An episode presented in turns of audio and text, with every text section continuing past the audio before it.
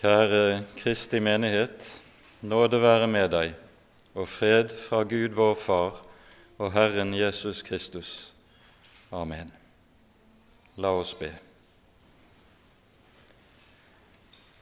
Vi takker og lover deg, Herre Jesus, du vår Frelser, at vi skal få lov til å komme til deg med alle ting og i all vår nød. Takk, du hellige Guds sønn, at du er den samme i går og i dag og til evig tid. Amen. Det hellige evangelium for niende søndag i treenighetstiden står skrevet hos evangelisten Matteus i det ellevte kapittelet.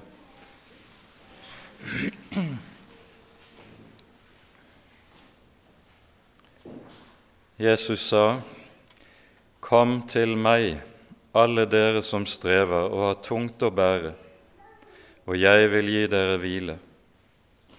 Ta mitt åk på dere og lær av meg, for jeg er nedbøyet og ydmyk av hjerte. Så skal dere finne hvile for deres sjeler. For mitt åk er gagnlig, og min byrde er lett. Hellige Far, hellige oss i sannheten. Ditt ord er sannhet.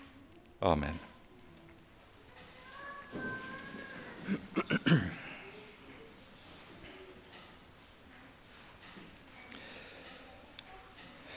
I de gamle tekstrekkene var det slik at uh, denne søndagens prekentekst den var noe lengre. De tre foregående versene hørte også med til teksten. Her er det at vi hører Jesus bryte ut i lovprisning av Gud i møte med det fiendskapet han i økende grad er blitt gjenstand for i en rekke av Galileas byer. Og så hører vi Jesus si, Jeg priser deg, Fader, himmelens og jordens skaper, fordi du har skjult dette for de vise og forstandige og åpenbarte for de umyndige. Ja, Fader, slik skjedde det som var til velbehag for deg. Jesus taler altså om hvorledes evangeliet som han bærer med seg, ja, som han legemliggjør i sin person, er noe som både skjules og åpenbares. Og dette er jo en grunnsannhet i vår bibel. Evangeliet er noe som ikke kan forklares for noe menneske. Det kan bare åpenbares, åpenbares ved Den hellige ånd. Og hvem er det Ånden åpenbarer det for? Det sier Jesus tydelig og klart for de umyndige. Han eh, taler på tilsvarende vis gjennom hele sitt virke. Bergprekenen begynner jo med ordene 'Salig er de fattige i ånden', for himlenes rike er deres. Og når disiplene senere, hører vi, begynner å diskutere seg imellom hvem som er den største i himlenes rike, så tar Jesus et lite spedbarn stiller det midt i kretsen av disipler og sier til dem, uten at dere omvender dere og blir som dette barn, kan dere ingenlunde komme inn i himlenes rike. Og Tankegangen er det som vi gjennomgående møter i Den hellige Skrift. Det går aldri an å være for liten det går aldri an å være for svak for det å høre Herren til. men det går utmerket godt an å være for stor, for sterk, for klok det, til det.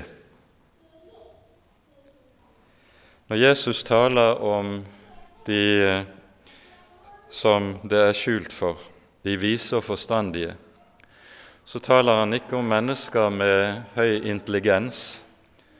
Det er ikke det det dreier seg om.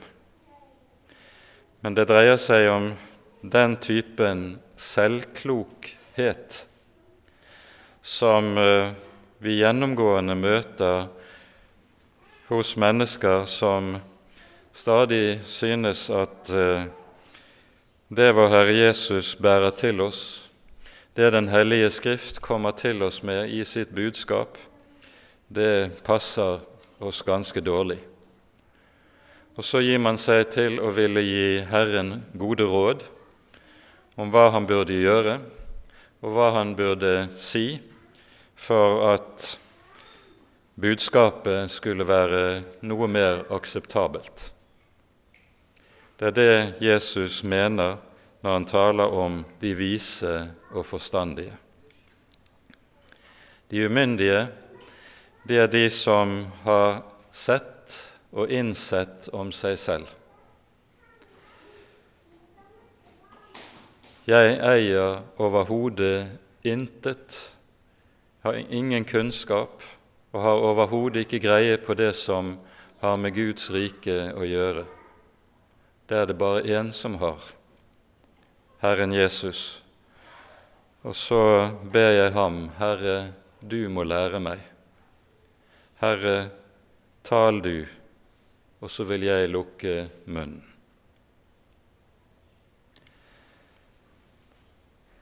Jesus taler med andre ord her i vår tekst om de små, de hjelpeløse og de umyndige. Og så rekker han ut hendene og kommer med sin store innbydelse. Kom til meg, alle dere som strever og har tungt å bære, og jeg vil gi dere hvile. Dette er en innbydelse som er gitt uten forbehold, som står der uten betingelser. Og Den bekreftes av det Jesus sier i Johannesevangeliets sjette kapittel, der han sier tydelig og klart den som kommer til meg, vil jeg ikke støte bort. Her bruker grunnteksten et grammatisk uttrykk som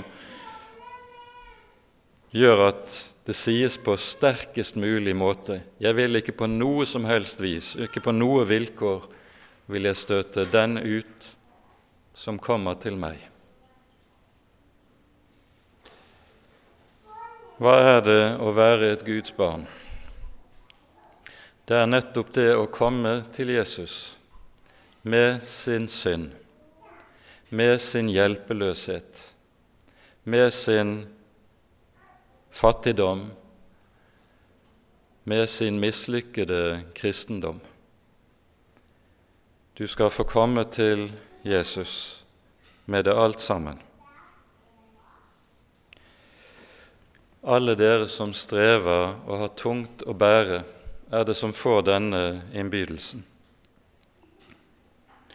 Og vi vet hvordan det er. Menneskelivet består på mange måter i nettopp det å bære byrder. Noen får meget tyngre byrder enn andre, men ingen av oss går gjennom livet uten å få lagt på våre skuldre byrder byrder som tidvis kjennes som at du vil segne under børen som er lagt på dine skuldre. Jesus sier, 'Kom til meg'. Er byrden det at livet er blitt uutholdelig av sykdom, enten for ditt eget vedkommende eller for noen av dine nære og kjære. Jesus sier, 'Kom til meg'. Kom til meg med det, alt sammen. Består byrden i motgang og annet som du kan oppleve av motstand og fiendskap fra mennesker? Kom til meg, lyder det fra Jesu munn. Består byrden av synd? at du selvforskyldt har kommet inn i en situasjon i livet på grunn av ting du har gjort som gjør at du har viklet deg inn i noe som er umulig. På ny sier Jesus sitt 'Kom til meg'. Han setter ikke en grense og sier 'dette gjelder alle de som har fått det til i livet'. Nei, han kommer og sier uten forbehold Kom også med det som var mislykket. Kom med dine byrder, med dine synder. Det er på denne bakgrunnen David eksempelvis ber i Salme 38, som er en av de syv botssalmene. Mine misgjerninger stiger over mitt hode. De er som en stor byrde. De er altfor tunge for meg. Nettopp slike byrder er det Jesus sender sin innbydelse ut til at vi kan få komme med. For når Jesus trer inn i verden, så trer han inn i verden med ett formål for øyet, med en oppgave for øyet, nemlig å bære. Han kom for å bære, rett og slett. Bære våre byrder, bære våre synder, bære det som sitt eget, bære det inntil han selv knuses av denne byrden når han henges på korset. Det var hans kall, og det var hans gjerning. Og i dette går han inn i det som vi ser også var Guds gjerning, slik han åpenbarer seg i Det gamle testamentet. Når Israel samles foran Sinai etter utgangen av Egypt, så innleder Herren sin tale med disse ordene Dere har sett hvordan jeg har båret dere på ørnevinger hit til meg. Folket hadde sett og opplevd nettopp hvorledes Herren hadde båret dem. Han bar dem ut av Egypt, befridde dem fra trelldommen, bar dem gjennom ørkenen i utfrielsen når folket sitter hjelpeløst fast ved Det røde hav, lyder det til folket Herren skal stride for dere, og dere skal være stille. Og så åpnet han den veien som var umulig, og som var stengt. Og på samme måte bar han dem videre. Når de 40 års ørkenvandring er slutt, og folket står på grensen til det lovede land, så minner Moses dem om dette og sier:" Dere har sett hvorledes Herren har båret dere på sine armer, som en far bærer sine barn, på hele, gjennom hele den store og forferdelige ørken. Herren bar dem bar dem hele veien og forlot dem aldri. Senere hos profeten Jesaja hører vi det lyder til folket i det 46. kapittel. Nettopp i en tid som er en veldig trengselstid, der folket opplever krig, nød og nederlag. og vet at det de nå opplever under trykket fra den asyriske verdensmakten, det er selvforskyldt. Det er deres egen synd som har brakt dem i denne situasjonen. Og så kommer Herren til dem nettopp her og sier:" Hør på meg, dere av Jakobs hus, og alle dere som er blitt igjen av Israels hus, dere som er lagt på meg fra fødselen av, og som jeg har båret fra mors liv av. Like til deres alderdom er jeg den samme, og til dere får grå hår vil jeg bære dere. Jeg har gjort det, og jeg vil fremdeles løfte dere. Jeg vil bære dere og redde dere. Og på samme måte som Herren lover å bære sitt folk, er det Jesus kommer til deg og til meg. Jeg vil bære dere. Han rekker ut sine hender. Du skal få komme med dine synder. Og så lyder løftet at dette er noe han vil fortsette å gjøre gjennom hele livet.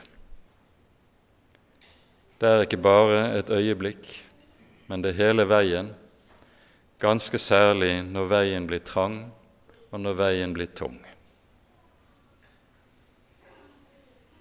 Så skal dere finne hvile for deres sjeler. Det er løftet. Du leder meg til hvilens vann, synger David i den 23. salmen.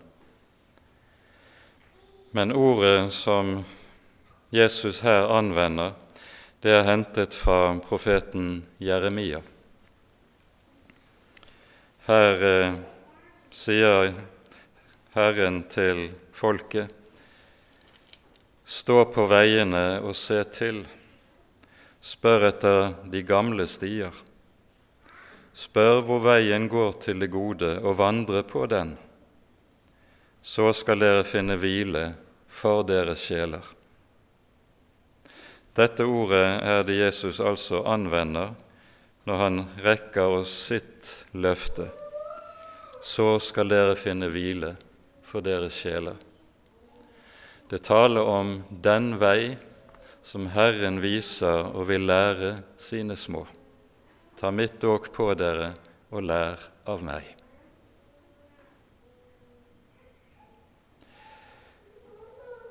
Her står vi i dag ofte overfor en type kristendom som har det med seg at den legger tunge byrder på mennesker, slik at troen og kristenlivet blir et slit og et eneste sammenhengende strev.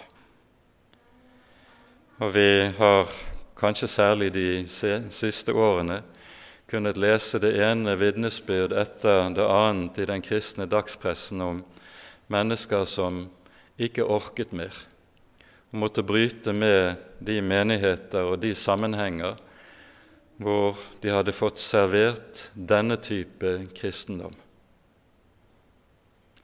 Der kristendommen, der troen, blir en tung byrde som legges på mennesker, der er den forvandlet til sin motsetning. Der, der er den blitt en pervertering av hva det egentlig er. For der Jesus får lov til å være den han er, den han vil være for oss, der er han den som bærer, ikke den som legger tunge byrder på oss. Der er han den som gir sjelen hvile. Det gamle testamentets ord som anvendes når vi hører om hvilen, det har en dobbelt betydning. Det betyr både hvile og trøst. For der du finner den rette trøst, der kan du senke skuldrene. Der kan du puste ut. Der finner du hvile. Men der troen gjøres til sin rake motsetning, der skjer det samme i kristen sammenheng som du kan lese om fariseerne i Det nye testamentet. Jesus sier om disse i Matteusevangeliets 23. kapittel. De binder sammen tunge byrder og lesser dem på menneskenes skulder, men selv vil de ikke røre dem med en finger. Evangeliet det er nettopp budskapet om Han som kom for å bære dine og mine byrder. Og så får vi komme til Jesus og lære av ham.